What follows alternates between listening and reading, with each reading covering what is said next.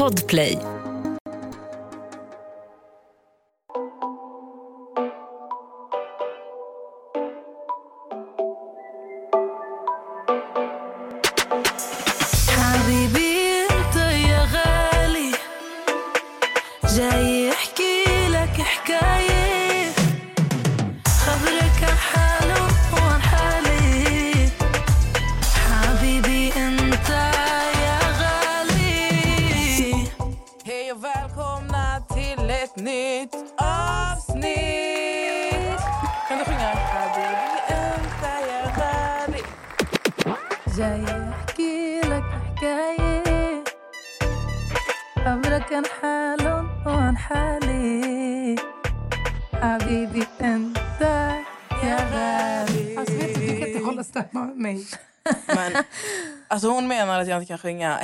Välkomna till ett nytt avsnitt. Vi sitter inte själva i studion idag.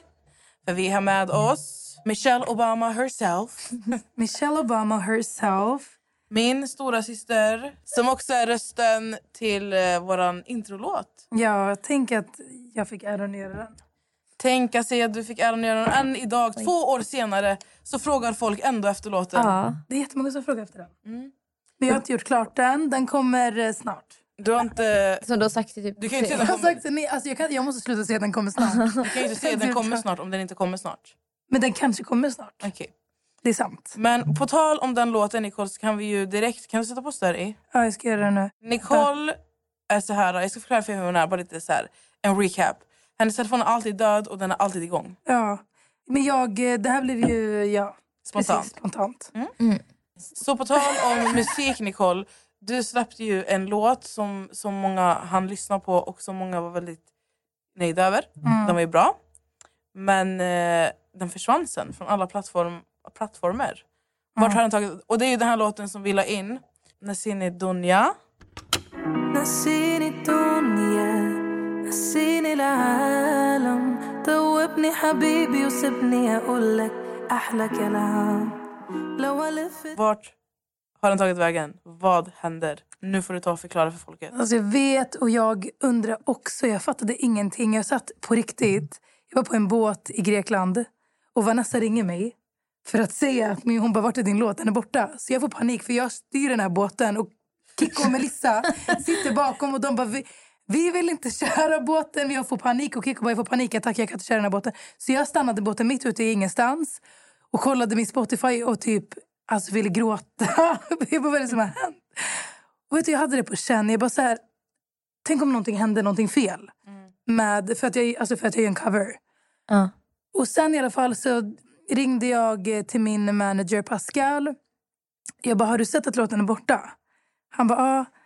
Eh, eller nej, jag har inte sett det. Så gick han in på Spotify och såg att den var, alltså den var helt borta överallt. Youtube, Spotify, ja, allt. Och eh, vet du, sen så tog vi kontakt med det här skivbolaget som har släppt låten. Som heter Mazika. I Egypten. Och frågade vad som hade hänt. Och då sa de att uh, due to copyright, bla bla bla, bla så um, man får typ inte släppa covers.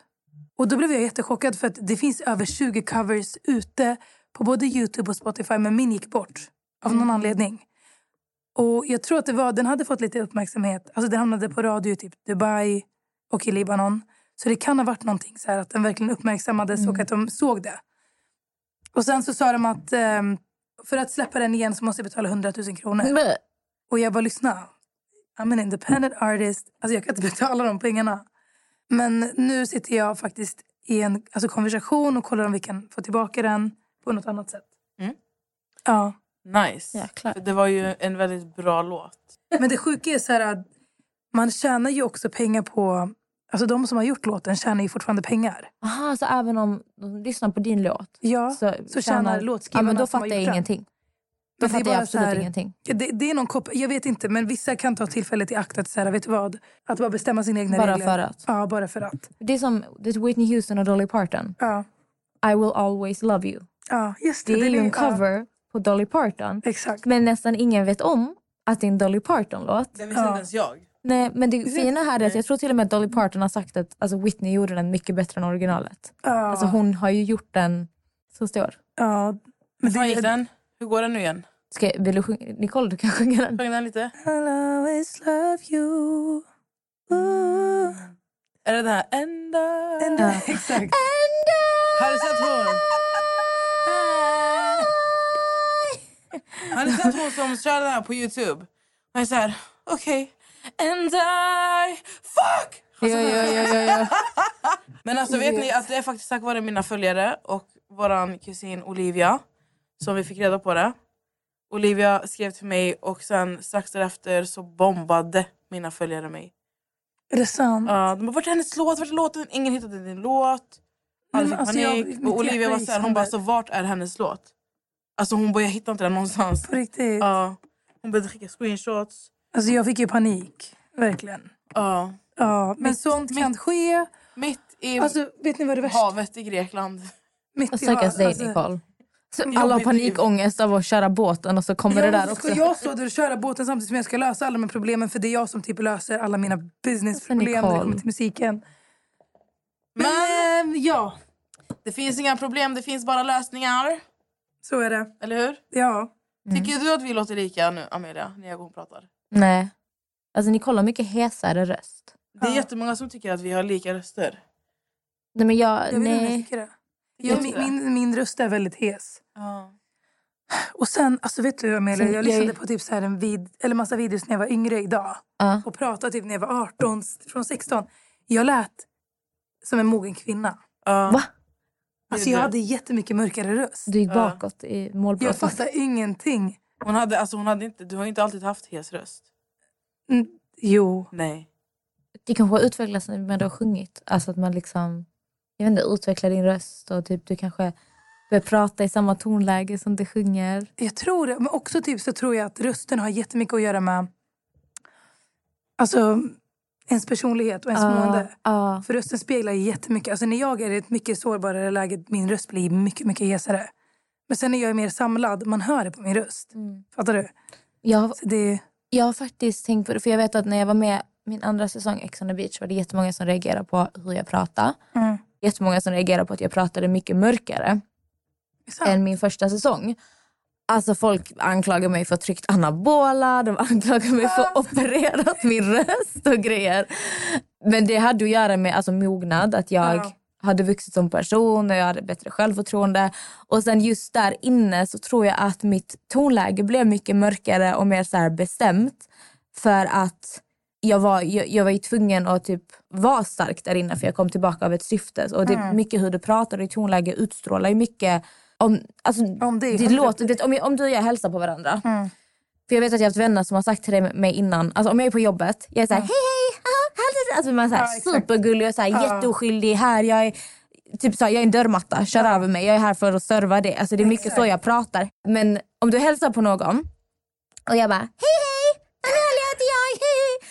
Du kommer jag bara eh, okej, men om jag typ såhär hej, du vet, ändrar tonläget, det gör så mycket intryck. på intrycket. Och vi undermedvetet tänker mycket på det. Jag vet att just min andra säsong så tänkte jag jättemycket på hur jag pratade. Mm.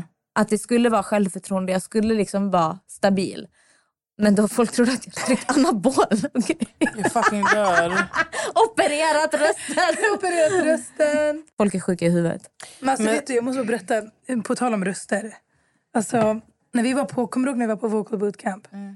Då var det, alltså det var en jätteintressant grej som hände. För vi var i ett rum med den här sångläraren. Han var typ så artistcoach. Han hade typ coachat Beyoncé, du vet alla de här. Var i Los Angeles I då. LA. Jag, och, jag och Melissa och Vanessas mamma tog in oss alla till den här Vocal Bootcamp. Hon bara, jag vill att dina systrar också ska ha någonting att göra. Så de får gå med dig här. Och vi fattade ju, jag visste inte vad det Alltså, skulle vi, innebära. det var så två veckor, vi var på en bootcamp. Ja. Och ehm, Sångläger typ. sångläge. Men det var, det var ju också så allt annat än, förutom sångläge. Alltså, det var verkligen så här, skådespeleri, det var, vi skulle lära oss Det är kreativt, alltså, hur typ. vi står framför en kamera, håller i en mick, står på en scen. och verkligen, han jobbade så mycket så här inifrån ut. Ja. Så han kunde stå i ett rum. Det var jätteintressant. Vi stod i ett rum och han skulle så här, coacha oss. Och så hade han sagt till, eh, till mig till exempel, han bara the reason till, alltså, anledningen till varför du sjunger mycket mer spänt än vad du, alltså istället för bara att vara avslappnad är för att du har varit med om någonting som har eh, som har lagt sig så, så pass mycket att det, det påverkar din röst. Mm. Alltså typ ett trauma. Och du vet, när han sa de här Gud, orden intressant. när han sa de här orden så började jag gråta och då fick jag berätta. För jag, han hade ju helt rätt. Och då berättade jag och sa när min pappa gick bort och allt det här. Poddtips från Podplay. I podden Något Kaiko garanterar östgötarna Brutti och jag, Davva, dig en stor dos skratt. Där följer jag pladask för köttätandet igen. Man är lite som en jävla vampyr. Man har fått lite blodsmak och då måste man ha mer. Udda spaningar, fängslande anekdoter och en och annan arg rant. Jag måste ha mitt kaffe på morgonen för annars är jag ingen trevlig människa. Då är du ingen trevlig människa, punkt. Något Kaiko, hör du på Podplay. Därför är gardinerna. Sen så var det en annan tjej som pratade typ som en bebis. Och då sa han till henne, alltså vi var typ så här olika grupper. Så jag var med fem personer i det här rummet när han sa det här. Han bara, anledningen till varför du pratar som ett barn är för att du har utsatts för någonting när du var liten. Som har gjort att du fortfarande behåller ditt, alltså Oskyldiga... exakt. Så här, men, ja, oskyldiga... oskyldiga sin, Jag vet inte någonting, men någonting i stil med att så här, du har inte kunnat släppa tag om det heller. Och hon grät ihjäl sig. Så vi alla står där. Och alltså, han går in i alla oss, fattar du? Och så börjar hon, den här tjejen, berätta om att när hon var liten så blev hon Och jag berättade där, så vi alla står och gråter. Och i, i samma stund så ber han oss att sjunga. Jag har aldrig i mitt liv hört min röst så fri som när jag fick bara berätta det där. Mm. Och typ så här, nej det var jättesjukt. Så jag tyckte Det att var det var... sjukt. De bara, ja. så, nu får ni sjunga när ni står och gråter. Kör på. Kommer du ihåg när han sa, intressant. I believe in you. Uh, jag kollade på det klippet Nästa fick du också sjunga. ja. Alltså Vanessa, Vanessa stod, hon var jättenervös på typ scen. Så då gjorde han typ en sån här coachning-grej coachning av att den, någon annan som också hade samma rädsla skulle gå fram till Vanessa och ställa sig på scen och säga så här I believe in you. Han bara, så sa han så här, säg till henne vad, vad du önskar att någon sa till dig. Så när jag kollar på de här två, de två står och gråter. och det är en liten kille som är typ så nio år gammal och Vanessa. Uh, Men det var skitmäktigt. det var faktiskt sjukt. Jag menar, det var... Jag bara, Ja, Du måste visa klippet för mig Amelia. Jag ska, nej. jo, jag ska visa det. Nej. Nej, nej, nej. nej, Typ nej. som det klippet när du döpte dig. Alltså, det är det Nej, nej, nej. roligaste klippet på och nästan när vi i USA bestämmer oss för att gå in i en kyrka. Och de bara, who wants to get baptized in here? Jag och Vanessa räcker upp handen. Det Alltså, var typ tusen, 1000 pers. tusen pers. Och de ger oss såna här äh, möss, vita mössor. Så, här vita. så jag kollar på Vanessa och jag vill inte dö av skratt men jag håller på att dö av skratt bara för att se henne med en sån här ja. mössa. Hon såg så rolig ut. Ja, Nej. alltså, om du ser det, du, kom, du kommer dö om du ser det. Det bara, låt oss döpa oss. Ja, Ja, i alla det fall. var ett fall i spår. Men det är intressant det här med röster. Hur man, eh, alltså hur man, vad säger man? Alltså Pratar. Hur, ja, ja, jag ska börja tänka på det när jag... Varje gång någon pratar så här djupt, jag kommer bara... Det är någonting Det är någonting. som håller dig tillbaka. Ja, alltså det, det är ju, det blir, jag tycker att det blir intressant för att det finns ju... Det fi, man pratar ju olika med alla. Men du kan ju coacha din egen röst. Ja. Alltså det är det så... är så här, du pratar olika med alla, varför gör Ja. man det? Varför gör du det? Jag tror att det är något undermedvetet. Alltså jag tänker så här, typ min serviceröst, alltså när jag jobbat i bara så här. Folk skrattar, alltså mina kollegor de garvar ju. De bara, vad i helvete? Jag vänder mig och bara så. och sen jag, så fort det kommer en kund, jag bara, hej hej, allt bra? Mhm. ja, det. För jag tror att jag sätter mig i en roll, Ja. undermedvetet, att jag är så här, jag är här för att serva dig, jag är glad, liksom välkommen. Och sen kan jag vända mig om och prata så här. Alltså de dör ju av garv. Vad är, det som, vad är det som händer? För jag tror inte alla, alla gör inte det så kraftigt. Mm. Men det är samma sak när jag ringer samtal. Mm. Telefonsamtal är något av det värsta jag vet. Mm. Alltså jag tycker det är jättejobbigt att prata i telefon. Varför? Till exempel, kommer, eh, jag vet inte, det, det är någonting som tar emot. Jag vet inte varför. Jag tycker det är jätte, jätte, jättejobbigt. Alltså bara ringa typ och avboka en tid. Alltså jag står så här. Okej. Men det finns det många som har... telefonfobi, typ, eller vad, jag vet inte vad det Ja, heter. Jag tycker inte ens om när typ folk jag känner ringer mig. Om du inte står mig jättenära. Då. Alltså, vem som helst kan inte bara ringa mig. Det går inte. Men vad upplever du alltså, i den stunden? Jag, vet, jag får ångest innan jag svarar. Min puls går upp alltså. Ah. Eh, och sen typ nu mitt nya jobb, då måste jag ju prata så det är jättebra för mig. Att jag, för, men då går jag också in i en roll. Så det är inte liksom exakt. privata Amelia som pratar. Det är liksom samma sak när jag har stått bakom en bar. Så social jag är där. Folk, hade, folk som känner mig hade svimmat. Alltså jag Ja. pratar om allt och vädret och allt möjligt. Men just när det kommer till telefon, nästan kommer ihåg att jag berättade för typ en månad sedan att jag måste ringa min tandläkare. Jag har fortfarande inte ringt dem. De har jagat mig sen juni. Alltså jag har typ, alltså jag skojar inte, 20 missade samtal från Folktandvården. På riktigt? Vänta, vänta, vänta. Nej, Jag måste bara visa er. Idag hade jag tänkt ringa dem, men jag sköt upp det till nästa vecka igen. Kolla Men du kan ju lägga som mål att du ska ringa dem innan du börjar jobbet. Men De har Amelia... ringt dig. De har jagat dig. Hej Amelia Victoria! Amelia, du måste ju... Vet du, lägg det, lägg det som ett mål. Du ska ringa dem innan du På börjar måndag. ditt jobb. Ja. På måndag. Jag vet inte, men jag vet att det är många som har telefonfobi. Och jag pratade med min chef om det också, men hon typ förstår det. För att hon, hon har typ samma fobi, fast jag hade aldrig kunnat tro det. Ah, okej. Men du vet när de ringer mig, jag svarar inte. Men skickar ett sms så svarar Man måste lära sig. Alltså, vad jag har hört att eller det finns många som inte alltså, pallar med telefonsamtal. Ja, men jag vet blir- inte varför det kan vara. Alltså jag, alltså jag vet inte, jag tycker det är skitjobbigt. För Men jag känner jättemånga som tycker att det är jobbigt. Alltså vår kusin, hon, alltså, hon kan inte ta... Nu har hon säkert blivit bättre på det. Alltså min bästa vän Maria. Hon har jätte, jätte, jätte problem med det. Alltså jag, fick, jag har fått ringa alltså arbetsintervjuer. Jag, alltså jag har fått leka henne. När det har varit liksom Oh viktiga God. samtal. Hon har, alltså du vet, de, det, kan ta två veckor tills hon kan samla sig för ett telefonsamtal. På typ Ja, men det tycker 30 jag. sekunder. Alltså vi snackar på riktigt 30 sekunders samtal. Alltså, det vore fett intressant att und- eller veta vart det kommer ifrån. Fattar du? För det måste ju grunda sig i någonting. Det är liksom inte ens jobbiga samtal. Det var som jag skulle avboka en psykologtid Mm. I tisdags. Och jag verkligen så här, jag hade efter jag varit ute med hundarna och gick där och så här mentalt förberedde mig för att ringa en receptionist och säga att jag inte kan komma för att jag ska jobba. Liksom. alltså, jag vet inte om det är såna, alltså, det kanske är någonting som har hänt när man varit liten. Eller något, alltså, någonting med att, för min rädsla är ofta att typ, någon blir arg på mig eller jag gör någon besviken. Eller att, jag, alltså, att de kanske bara Nej men nu har vi bokat en tid här och nu kan du inte komma. Alltså, typ, jag tror att jag är rädd för... Responsen. Men exakt som nu till exempel, ni som min tandläkare har ringt mig Ja. alltså gud vet hur många gånger. Och jag vet om att jag, jag har liksom gratis tandvård, nu betalar jag dock en försäkring. Mm. Jag borde ju liksom verkligen ta vara på mina tider, absolut.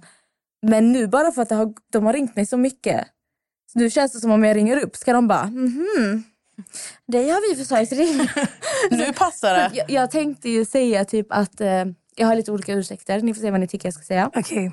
Antingen, jag tänkte säga att jag har varit utomlands och min mobil blev snudd. Mm. Så att jag har inte haft tillgång till min telefon och jag har liksom fått kämpa för att få tillbaka allt. Ursäkt nummer ett. Ursäkt nummer två, att jag har nytt jobb och jag har använt mig av min andra telefon så att jag har missat de här samtalen. Vilken är bäst? Ett. Två. Va? Vad fan! Jag hade sagt två. Nej, jag har sagt ett. Nej, Nästan för, alltid så dramatisk. ja, men du, varför inte bara säga du, jag har eh, börjat på ett nytt jobb. Jag har fått en ny telefon. Trodde att den connectades till min, priva- alltså till min Ja, andra. den ska egentligen connectas till samma men, samtal Men jag har men insett nu att den inte har gjort det. nu har jag löst det. Nu har jag löst det här och därför så har jag sett att ni har eh, ni ringt mig. Ja, men om de blir så här, men gud, är det ingen annan som har kontaktat dig under den här tiden än vi? Men snälla, de kommer inte ens gå in i den frågan Vanessa. Tänk om de gör det? Men de kommer Nicole. inte... Så, De har jätte, så receptionisten är vad, jättekränkt. ska hon, vad ska hon säga? Du gör mig jättearg. Det här vi pratar om, du vet, för vi snackade i ett avsnitt Mm. om att eh, om det någonsin är okej att ljuga. Och vi Mm. kom överens om att det är okej att ljuga så länge du inte typ skadar någon annan eller så här undanhåller eller vrider på några viktiga saker. Mm. Som i det här fallet, nu ljuger jag ju. Mm. Men det är ju för att jag får ju ångest av, varför ska jag behöva säga, vet ni vad, jag har inte ringt upp för att jag får panikångest av att prata i telefon med er. Alltså. Du skulle ju lätt kunna se det där. Men det, då blir det så jävla djupt. Då är de bara, "Ah, pratar du med en psykolog eller? Men grejen är, det, ro, det roliga är också så här, alltså när man pratar med såna här typer av, alltså de som jobbar som receptionister och, sånt- där, de går inte in så djupt överhuvudtaget. De skulle Alltså, inte de, får ju bara, exakt, de får ju typ ett jobb. Exakt. Ring upp alla som har missat sina tider. Och sen ringer de så svarar de inte och sen går de vidare till nästa. Eh, Alltså det är ju inte så djupt. Men i mitt huvud jag tänker att de har så här antecknat typ så här en Excel-fil och bara har inte svarat på tre månader. Inget svar igen. Nej, du är inte problemet. Alltså, det här är ju... Alltså, det här är bara någonting som... ehm, du får lösa den här situationen nästa vecka. Jag måste gå till tandläkaren. Du, det går till tandläkaren. Men har, du, har du svårt när du väl kommer dit? Nej men vet du vad det också har varit nu? Vad? Ni ser min piercing, Ja. smiley. ja. Jag har inte varit hos tandläkaren sedan jag gjorde den. Ja. Och jag minns att när jag gjorde den så fick jag lite så här, kommer de bli arga på mig för att jag har...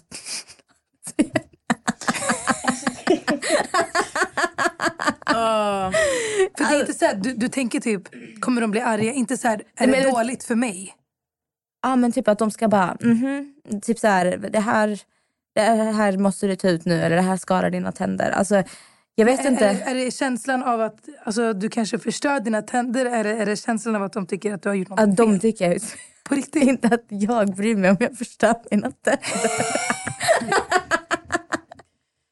Okej. Så det här, jag tror att det här grundar sig, för jag har såna här konstiga små problem. Jag tror det grundar sig i något, någonting från min barndom gör att jag Ja. är väldigt rädd att göra fel. Det är förmodligen därför jag, jag jobbar väldigt mycket och jag vet när jag jobbar jag är väldigt korrekt, jag är punktlig. Jag tror att det ligger något under, underliggande bakom som gör att Alltså en otrolig typ prestations... Exakt, jätteprestationsångest. Så att oftast är jag inte rädd för typ så här sanningen. Alltså det är så att någon ska typ så här, du har gjort fel, du har gjort det här. Jag fattar. Så jag är så här, jag bara, det är förmodligen någonting som har hänt när jag var liten som gör att jag är jätterädd att göra fel. Men alltså jag, jag tänker typ så här... Värsta psykologin. Har du, har du typ... Har du, är det här någonting du har pratat om? Med någon Nej. annan? Inte? Nej. Det kan ju vara bra att göra det. Eller jag tänker typ så här... Jag då haft- måste man ju typ djupdyka Ja. i typ så här, vad är det som har hänt? Och jag vet inte vad det kan vara. Jag kanske har förträngt det. Poddtips från Podplay. I podden Något Kaiko garanterar östgötarna Brutti och jag, Davva, dig en stor dos skratt. Där följer jag pladask för köttätandet igen. Man är lite som en jävla vampyr. Man har fått lite blodsmak och då måste man ha mer. Udda spaningar, fängslande anekdoter och en och annan arg rant. Jag måste ha mitt kaffe på morgonen för annars är jag ingen trevlig människa. Då är du ingen trevlig människa, punkt. Något Kaiko, hör du på Podplay. Därför är gardinerna. Jag brukar tänka typ, eller oftast med, alltså med mina beteenden idag. Mm. Jag brukar alltid typ alltså rannsaka mig själv. Och tänka, alltså när jag får ångest i ett socialt sammanhang eller whatever. Så brukar jag alltid komma hem och vara så här, alltså vänta, vad triggade igång allt det här? Alltså hur började, vart började känslan? Och så skriver jag alltid ner det. Och det har jag gjort sedan jag var jätte, jätteliten. Vilket har gjort att så här, vissa saker som har varit skitjobbiga för mig idag, eller förr, har jag jobbat med på så sätt att så här, jag har typ insett att jag måste alltså, vända på hela min, min sanning för att det typ inte är på riktigt. Fattar du? Mm. Så jag måste... Alltså, jag gjorde typ en övning. Jag vet inte varför jag kom in på det här. Men i alla fall, jag gjorde en övning när jag var lite yngre. För att eh, när min pappa gick bort så fick jag jättemycket så här, alltså konstiga ångestattacker. Och jag fattade inte att... Jag förstod verkligen ingenting. Vart det kom ifrån eller hur det kom. Det bara dök upp konstant. Och sen så gjorde jag bara så, för jag läste någonstans att man kunde göra en övning av att man skulle byta ut sina tankar. Mm, mm. Jag gjorde det i sex månader av att så här, varje gång jag kände en ångestkänsla så distraherade jag det med någonting som gjorde mig glad. Alltså jag antingen så här, ringde en kompis eller eh, alltså gjorde verkligen någonting som gjorde mig glad. Jag pratade med en främling. Jag skojar inte, jag älskar sånt. Du sa nästan också att du brukar göra. Nej, alltså jag älskar att prata med människor. Så då, alltså jag gjorde någonting som distraherade den tanken så den inte fick någon typ av kraft eller så här, makt i min hjärna längre. Så varje gång jag stötte på de här grejerna igen så visste jag så här, okej men nu är det på väg. Men jag, kan, jag känner inom mig att jag kan skifta det. Fattar du? Mm. Så jag vet inte, vissa saker kanske... Det är ändå väldigt intressant. Alltså man kan ju Ja. träna sig så. För nu när du sa det, du frågade om jag har pratat med någon om det. Jag har pratat lite om det för att jag går ju under en utredning. Mm. Alltså hos, eh, ja, eller så här, överall utredning på vad någonting kan vara. Nu har jag eh, pausat den lite för att jag fick ångest av att gå dit. Ja, men de, när vi pratade om just det här då nämnde hon att hon misstänkte att det var något som heter typ så här kro, kronisk ångestsyndrom som gör att jag har mer eller mindre grov ångest varje dag. Och det typ så här, såna här telefonsamtal, det är bara en liten del av det. Utan jag är fattar. oftast rädd att göra folk arga eller upprörda och göra fel. Och det är det hon också frågade. Hon bara, vad är det du är rädd för? Precis som du gjorde. Hon sa, ah, men jag ska göra något fel. Mm. Och då sa hon att det låter som någon sån här kronisk ångestsyndrom. Och då, det du pratade om är förmodligen sånt man måste liksom, okej vad var det som gjorde mig upprörd här idag? För att det är ju inte på riktigt. Det är i mitt huvud Exakt. så spelas upp scenarion som inte existerar. Som nu ni hör, jag tänker att de sitter där och har gjort anteckningar. Och de har, I mitt huvud, jag, jag, vet, jag har räknat ut en värld som inte finns. Ja. Det är Men bara är i det mitt så, huvud. alltså, kan det vara så typ, att du börjar typ, alltså, identifiera dig själv med ångesten? Och typ att det är en del av dig? Fattar du vad jag menar? Inte att det är en del av mig utan att den typ den styr mig mycket. Alltså ibland till exempel, det här låter jättetöntigt. För att, jag har skrivit något till dig Nessa. Vi är mitt uppe i en konversation och så skriver jag något. Och så svarar inte du mig. Och att du inte svarar, jag kanske bara, sa jag något fel? Har, har, har, har jag gjort någonting? Så jag går in i konversationen och så läser jag. måste läsa högt vad jag har skrivit. För att verkligen höra vad det jag har sagt. Så jag bara, okej. Och så du vet, när man inte får det svar, jag kan bli så här, jag har gjort någonting. Och så, du vet, I mitt huvud så börjar jag tänka att jag har typ gjort något som jag inte har gjort. Eller jag har sagt det. Och blir- Alltså, du vet, eller om någon skriver till en, vi måste prata. Jag bara, oh i ditt huvud den bara ding ding ding. ding, vad har du, alltså det gör det så här, vad har jag gjort? Har jag sagt någonting? Har jag. Så här har jag det alltså varje dag. Men Hela också, tiden. Kan det också komma typ så här, olika typer av katastroftankar? Ja, alltid. Alltså- Alltså, så fort jag går in i en tanke, den utvecklas till 15-20 olika scenarion. Det är därför jag är väldigt så här, typ, det är ganska svårt att typ ljuga för mig. Eller typ så här, jag har oftast, vet, i och med att min hjärna är väldigt så här, minsta lilla. Jag gör en hel beräkning på vad som kan ha hänt och varför den har börjat så. Om jag märker att någons humör ändras. Så direkt, jag märker direkt, okej okay, någonting. Just det, var när jag sa det här. Alltså jag, min hjärna är så här igång Och då, 24-7. rikt- alltså, riktar du det oftast mot dig själv då? Att så här, jag har alltså, något. beskyller dig själv? Ja. Jag fattar. Så det alltså, det är alltid jag. Och så ska jag typ ta ansvar för allting. Så typ, allt är mitt fel. Alltså vet du, jag tror verkligen att det är någonting som du alltså, man definitivt kan jo- alltså, jobba bort. Men att det, jag tror att det är skitbra att du går och kollar. Vad det, Ja, men jag alltså, behöver ju verktyg. Ja. Förut när såna psykologer de bara, ah, det finns såna här grupper man kan gå i. och pra-" Jag bara, aldrig i mitt liv att jag ska sitta med typ tio personer och bara, ah, det här är mina problem. Alltså, och anledningen till att jag känner så det är också för att Instagram, alltså jag har varit på tv och jag tänker så här, alltså till och med när jag är, det är det som har gjort att jag får ångest av att gå till eh, psykiatrin. Mm. För Nessa, du har också pratat om att du alltså, har sökt hjälp och börjat gå. Får inte du också ångest av att man tänker att folk som är där sitter och tittar på dig? Jo. Och bara det är hon. För jag, man ser ju att folk kollar och jag, vill, jag, jag känner inte att jag kan göra någonting och det känns bra. Alltså, Jag fattar. typ jag gick till en tjej som var typ 30 och pratade med. Mm. Och jag bara, alltså hon är för ung. Mm. Alltså om hon vet vem jag är. Alltså, det, jag, bara, jag bara tänker så här, hon har säkert ringt sina kompisar. Även om det är sekretess. Jag tänker så här, ja men de bryter säkert till någon. De Ja. ringer säkert sina vänner. Alltså, det gör ju också att helt plötsligt så har det skapats ångest för mig att ens gå till, till en psykolog. För att jag tänker att alla tittar på mig när jag är där. Och sen när jag pratar med henne så sitter hon och ringer sina vänner. För alltså, så nu är jag så här, jag måste typ söka mig privat. För jag vill gå till typ en gubbe eller en tant som är typ 60 plus. Som har, alltså ni vet privatklinik. Men man kan, ju, kan man inte välja, vet du det, kan man inte välja psykolog? Jo men vet bara sitta i väntrummet. Bara, alltså du, du går upp, Ja, jag alltså, det är ju så här öppenvård. Alltså, Så det är ju massa folk som sitter där och det är mycket unga människor också. Det, och jag ser att folk tittar och sitter man där och bara... Och inte för att det är fel. Det handlar inte om att det är fel Nej, eller pinsamt Ja, man känner sig bara iakttagen. Exakt, för jag är inte där för att... Ja, du fattar. För jag vet sist jag var där, jag kände innan jag började satt i väntrummet. Du vet när man känner att jag kommer börja gråta? Ja. Ni vet när det byggs upp och du bara, fan. Jag vet inte varför jag kommer gå, men du känner att din energi skiftar. Och helt plötsligt så har du en klump i halsen. Så fort jag går in i rummet, så fort jag öppnar munnen, mina tårar bara rinner. Och det är för att jag har känt den här, alltså jag har känt mig obekväm. Mm. Och sen när jag satt och pratade där, hon satt bara och tittade på mig och bara... Du vet, jag kände, allting var bara så här, I mitt huvud då, scenariot som har spelats, där att folk har sett mig där, nu pratar de om att jag är där. Hon sitter och tänker, ah, men den här jävla tjejen från Ex on the beach. Alltså, I hennes huvud så kommer hon sitta och ringa sina vänner. Det tänker jag på under tiden jag är där. Så att jag, kan, du vet, jag blir en sån ond cirkel. Så nu jag måste söka mig till privat har jag tänkt. Jag vill ha en 60 fem- 50-60 plussare privatklinik. Alltså, Men det var ju som idag när jag skulle hämta ut medicin Mm. på apoteket. Det var fullt med folk.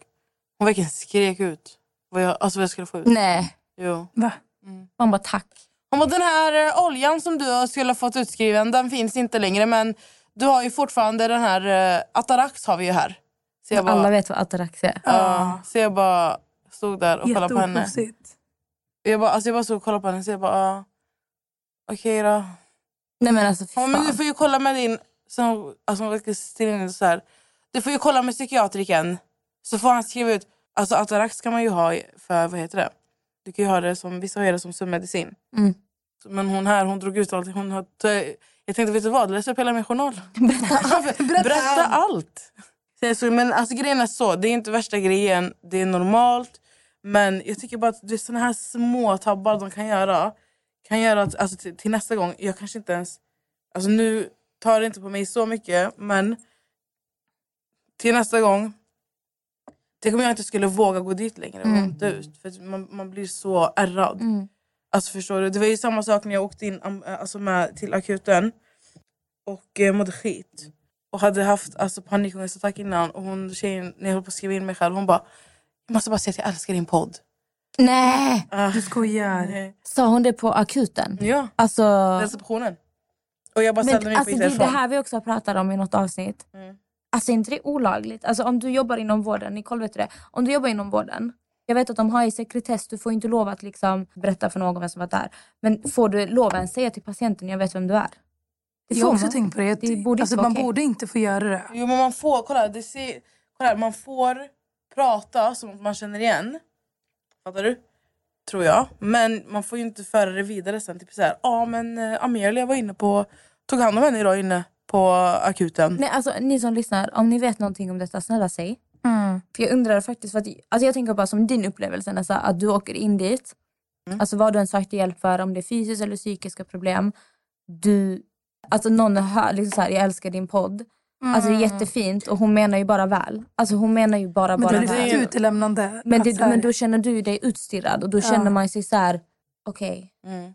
Du, du, du får liksom inte vara så att hela den här processen för mig i alla fall när det kommer till alltså, psykiatrin, alltså, den blev ännu mer ångestframkallande för mig. För att jag känner mig som jag är strålkast strålkastaren. Mm. Och det är samma sak jag kan tänka för dig nästan när någon säger så när du är där, din lägsta moment liksom. Mm. Och de bara Ja men det är du! Och man bara...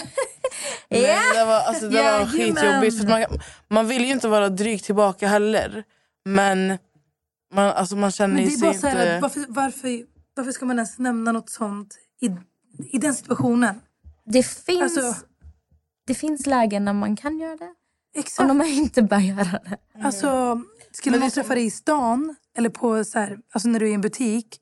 Det kanske skulle vara någon annorlunda grej. Men när du är i den situationen och du... Ja. Du är i en väldigt sårbar situation. Exakt. Nej, men du är men det är sårbar. Inte, alltså, det, är inte, alltså, det är inte rätt. Jag mådde skitdåligt. Jag ställde mig upp, gick därifrån. Sen skulle jag sätta mig ner och vänta. Men jag kunde inte ens vänta. Jag var tvungen att gå därifrån. Så jag fick åka in dagen efter igen. Igen. Men eh, det var väl eh, intressant avsnitt om... Mm. Eh, Gud vad det här utvecklades från röster till, Exakt, till... psykiskt. Men det hör ju ihop. Mm. Så ja, det verkligen. Mycket intressant avsnitt måste jag säga ändå. Mm. Och om du jobbar inom sjukvården som vet hur det går till med så här, om du får lov att säga till patienten att du vet vem det är, snälla skriv. Mm. För jag, jag eh, hittar inte riktigt ett rätt svar på Google. Det är svårt att formulera frågan mm. på Google. Men ni fattar. Har du några fler tips? Tips? För människor som har ångest? Som eller ångest. som mår dåligt? Alltså jag kan bara utgå från mig själv. För att jag har... Alltså jag har verkligen gjort en resa. Jag tror att folk så som träffar mig tänker att oh my God, alltså hon mår så bra jämt. Hon är alltid glad och allt det här. Vet du, vi har, vi har nämnt det här i podden innan. Alltså, jag får inte det intrycket av dig. Alltså, när jag pratar om dig Nicole, det är så här, Alltså Nicole är världens snällaste människa. Alltså hon är så godhjärtad och hon är så söt och rar. Alltså jag vet, det finns inte ett ont ben i Nicole. Alltså Nicole är så... Nej, men, men jag tänker inte att det är så här, oh, hon är så lycklig. Och hon är så, här, det, alltså mm. jag, så, så tänker inte jag till det. För jag vet själv att glada människor behöver inte alltid vara de lyckligaste. Nej, men exakt. Typ min, mitt intryck av det är mer så här, att du är bara för godhjärtad. Alltså man blir så här, Alltså det går inte att vara så snäll. Alltså, du är så till alla hela tiden. Det går liksom inte. Alltså, men, alltså jag uppskattar att du säger det. Alltså grejen är att, okej okay, jag älskar verkligen människor. Alltså det, det låter sjukt. Men jag har en kärlek för att här, ge kärlek till andra. Men jag har ju också så här, varit med om en resa, alltså mentalt, som jag har behövt gå igenom för att kunna stå på mina ben. Och som sagt, som jag sa tidigare, när jag var yngre så alltså, led jag av jättemycket ångest. Och jag, jag höll allt för mig själv. För jag, vill, alltså, så här, jag skämdes, jag ville inte att någon skulle tycka synd om mig. Så jag satt alltså, alltid, jag gick till musiken jättemycket och skrev, och skrev ut mina tankar, mina känslor och bara sjöng. Så det var en grej jag gjorde. Men sen så läste jag jättemycket böcker. Och det var en bok som jag läste som alltså faktiskt kommer att hjälpa mig jättemycket. Och den heter The Monk Who Sold His Ferrari. Och i Det är den, den du har pratat om också Nessa. Den, ja. Det, alltså den är jättebra. Det är den jag har sagt till er att jag har blivit rekommenderad. Men intressant att du har läst den. Jag har läst den och den hjälpte mig otroligt mycket. Speciellt i den perioden som jag var i när jag var, så här, jag var jättelost. Det kändes som att jag typ var min rädsla. Mm. Alltså jag kunde inte, jag kunde inte separera mig själv och min ångest typ. Men sen så läste jag ju om de här grejerna man kunde göra. Och då som sagt så gjorde jag den här övningen varje dag. Där jag bytte ut mina tankar. Så fort jag liksom identifierade att någonting kom till min hjärna som var negativt så bytte jag ut det till någonting positivt. Men sen har jag skrivit. Alltså, jag skulle verkligen rekommendera att skriva. Ha en dagbok. Skriv ner så att du typ har en insikt av vad som hände med dig. Fattar du? För det finns alltid ett mönster Mm. till varför saker och ting sker. Så det är typ det jag har gjort. Och såklart så går jag... Alltså jag har alltid gått till Gud. Mm. Och bett jätte, jättemycket. Så det, alltså det är min största... Jag tänkte säga rekommendation, men jag menar det har hjälpt mig jättemycket. Så min tro har verkligen burit mig. Vissa mediterar, andra går, kör yoga. Mm. Vissa går till, ja, men, till olika religioner. Det är ju verkligen olika. Och det är fantastiskt att man har olika... Så här, Mm. Det är viktigt att ha Yes. någonting. Alltså 100 procent. Mm. Det är jätte, jätteviktigt. Ja. Tycker jag. Tack så mycket för att du Tack kom så hit. Du är så jävla fin. Du är fin. Ängel. Mm. Amelia, du Nästa, är varför fin. kan du inte vara som din syster? Jag skojar. Det frågar min mamma mig varje dag. Nej, sluta. Nej. Ett poddtips från Podplay. I fallen jag aldrig glömmer djupdyker Hasse Aro i arbetet bakom några av Sveriges mest uppseendeväckande brottsutredningar. Går vi in med hemlig telefonavlyssning och, och då upplever vi att vi får en total förändring av hans beteende. Vad är det som händer nu? Vem är det som läcker?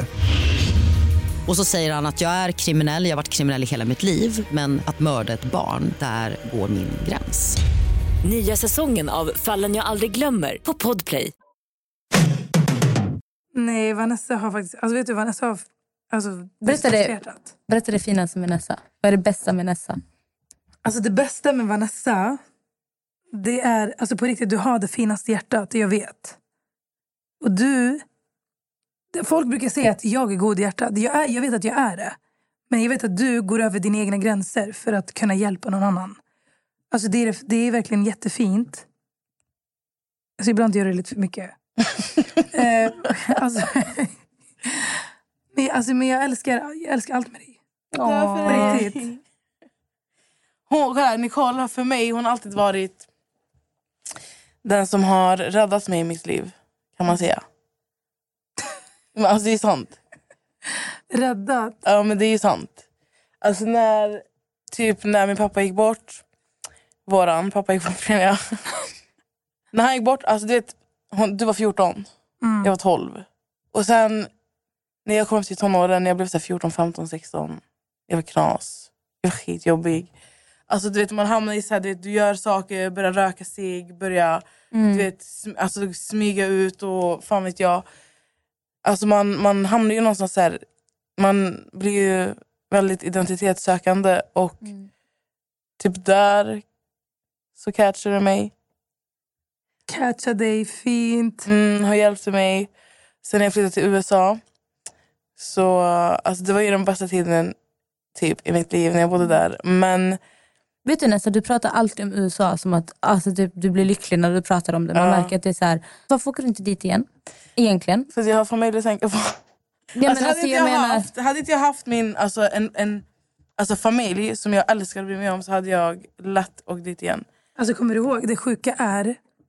Alltså hela, min, hela vår familj fick en otrolig kärlek för alltså, speciellt LA. Mm. Så när vi var där nere, mamma var redo att... Så här, för hon ville ha, hitta något ställe och typ, alltså, ha ett ställe utomlands. Så vi träffade en mäklare, vi åkte runt och letade efter typ, lägenhet eller hus. Så vi skulle bo där ett år. Men det blev typ inte av. Så vi alla, alltså, vi alla dör för LA. Aldrig varit i LA. Vi Jag tror att du hade älskat det. Men det känns som ett ställe du måste besöka Ja. i ditt liv. Men jag vill göra det helst när jag är ung och snygg. Liksom. jag vill inte åka dit så gammal och bara tja. Snälla du, du kommer alltid, alltid vara skitsnygg. Alltså Alltså, jag... Men sluta. Nej, men alltså jag älskar... Du vet, när jag åkte dit också, jag var ju... Jag kände bara att jag hade ingenting här, kvar här. I, eller i Skövde då. Jag kände inte att jag hade någonting... Jag hade tappat allt. Så att när jag åkte dit, jag hade ju typ ingen kontakt med någon familjemedlem whatsoever när jag bodde där. Alltså det var verkligen bara jag. Alltså det var bara jag, jag, jag, ingen annan. Alltså, Sen- du ringde mig hela tiden. Ja men alltså jag menar, jag hade ju kontakt men inte i samma utsträckning som, som man är van vid. Alltså snälla det var ingen som trodde att jag skulle åka ens. Du trodde inte att jag skulle åka? Nej, och du vet du, du vet om en sak va? Mamma frågade mig, "Men vad tycker du vi ska göra? Ska, ska hon få åka dit? Kommer hon klara det? Och jag bara, mamma lyssna, oavsett vad du säger, alltså jag tror att det här kommer vara en jätteviktig resa för henne. Hon bara, nej. Och sen, ja. Alltså jag åkte ju ändå men jag minns att, jag minns att du sa till mig, du, bara, så, du kommer få kalla fötter. Du kommer aldrig åka, du kommer aldrig kunna leva utan din familj. Mm. Det, var, det var det du sa till mig. Men lite visste ni. Lite visste vi. lite visste de. Alltså jag, Men jag menar, du själv. behöver inte flytta dit. Men typ, alltså, typ Men om du känner... dit. Alltså jag kommer åka dit snart. Alltså, tänk så, du känner dig så här, jag känner mig vilsen, jag vet inte vad jag ska göra i mitt liv. Och sen åker du till ett ställe som genuint har gjort dig lycklig, som gav dig bra vägledning sist. Att man åker tillbaka bara för typ så här, alltså säg typ tre veckor, två, tre veckor, bara Alltså, för att men- samla energi. Jag tror att jag är där nu när, vi, när det här släpps. Ja. Jag ska ju faktiskt åka till Spanien. Vara där i åtta veckor. Mm. Mm. Sen kommer du. Sen kommer jag. Så Och, alltså, trevligt. det stället är också så här. Alltså det är, vår- vi har ju Du lägenhet. är i lugnet. Alltså, Du kan inte göra någonting annat än bara så här, låta dig själv vila. Så jag har idag så har jag valt ut böcker som jag ska ha med mig. Läsa. Och eh, jag har fått två böcker av Heidi. Också som jag ska läsa. Det, det, alltså det är en kristen bok. Som handlar om olika vittnes, alltså vittnesbörd. Börd, heter det så? Mm. Där människor, alltså det är människor Som delar Som- om deras liv. Typ. Ja, de delar om deras liv Mm. och hur, hur de har blivit troende, eller börjat tro på Jesus. Mm. De ska jag läsa. Och sen ska jag läsa, jag ska ta med mig Bibeln. Mm. Läsa mycket. Och sen så ska jag ta med mig en till. Det finns en bok som heter How to heal. Mm. Har du läst den? Nej. Nej. Den ska jag ta med mig. För att den har jag fått rekommendation om att den ska vara skitbra. Så jag tänker att nu när jag är där så ska jag bara koppla av. Ta det lugnt. Mm. Min mamma har eh, sagt att jag ska ta promenader varje dag. Så jag ska gå Och när jag gå. kommer ska du hänga med mig. Vi ska göra en massa saker. Det här ska bara vara, alltså jag ska på rehab. Mm. Det, är- alltså det är så här, jag ska på rehab, jag ska bara må bra. Så det du pratar om med USA, jag, jag vill åka dit och sånt. Men jag tror att jag behöver, alltså USA är lite mer, det händer mycket när jag är där. För Alltså, vi känner så USA mycket människor. Jag lovar Milla, USA är ett ställe som jag skulle säga så att, eller inte USA överlag för jag kan inte prata om alla stater. Men i alla fall LA är ett ställe jag måste komma till när jag känner mig landad. Ja. För att när jag kommer dit, jag kan bli så distraherad av så mycket. Så när jag är där så måste jag veta här, okej jag, ska- jag kommer hit för att göra musik. Mm. Eller för att, alltså fattar du vad jag menar? Ja, ja. För att du kan komma dit och bli uppslukad av så mycket. jag för det, fattar. Det händer så mycket hela tiden. Alltså, det händer I varje mycket. hörn du kollar. Alltså vart du än kollar. Mm. Så, vi satt i en bil en gång alltså. Vi, utanför MC. Jag och hon. Vi satt i en bil. Alltså, och det kommer ut en man, han har på sig Han har fått en sån här rock du vet för att han har legat inne. Han går runt med två pistoler. och han, Alltså, ställer ut sig, han ställer sig vid våran bil Ja. och jag får panik. Jag kollar, Ja. på, jag kollar på henne och när jag får panik så börjar jag skratta. så jag dör av skratt och Vanessa börjar typ gråta och jag, bara, jag var så här... Jag vet inte vad jag ska göra. Det- Alltså, jag du bara såg hur folk flög in i restaurangen. Alltså, de- de sprang in timmar. Vi satt kvar i bilen. Och det var ingen som... Vi satt med en killkompis, han satte fram. Finn. Han- ihåg Finn? Finn och Shah. Ja, men det var ingen där. Sean och Mary gick ju in. Ja, Men Shah kom ju ut och sa we have two girls in the back. Please, please don't do anything. och jag dog av skratt. Bara jag hörde honom så började jag skratta ännu mer. Jag vill inte skratta. Alltså förstår du, det händer saker vart du än kollar. Så att, alltså att åka på en sån alltså, åka tillbaka till LA, det, alltså jag kommer åka dit. Mm. Förmodligen alltså till nästa sommar. Om Gud vill.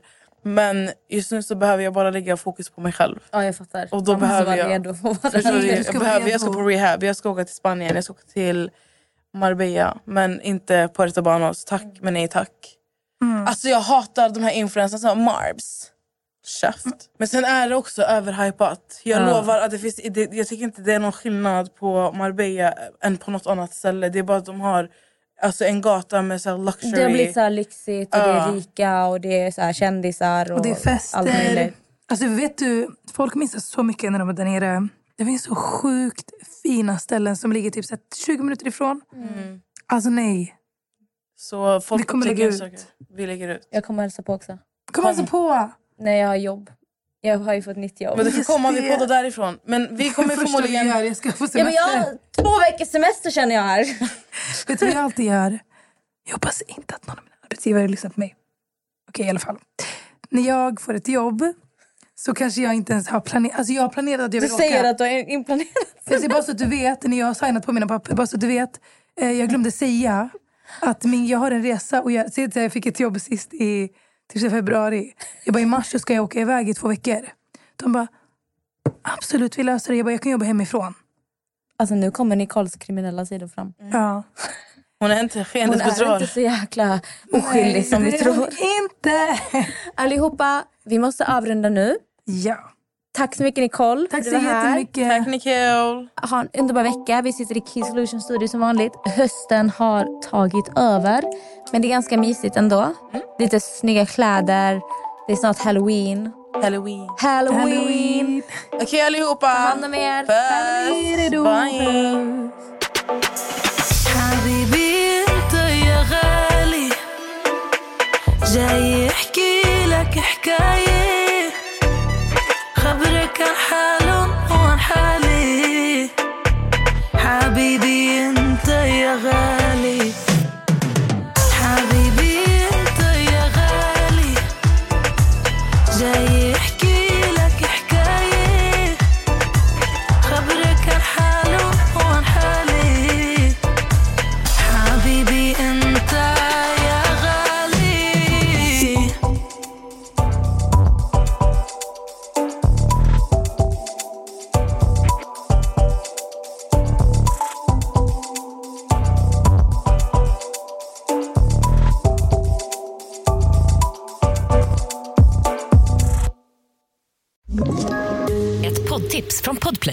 I podden Något Kaiko garanterar östgötarna Brutti och jag, Davva, dig en stor dos skratt.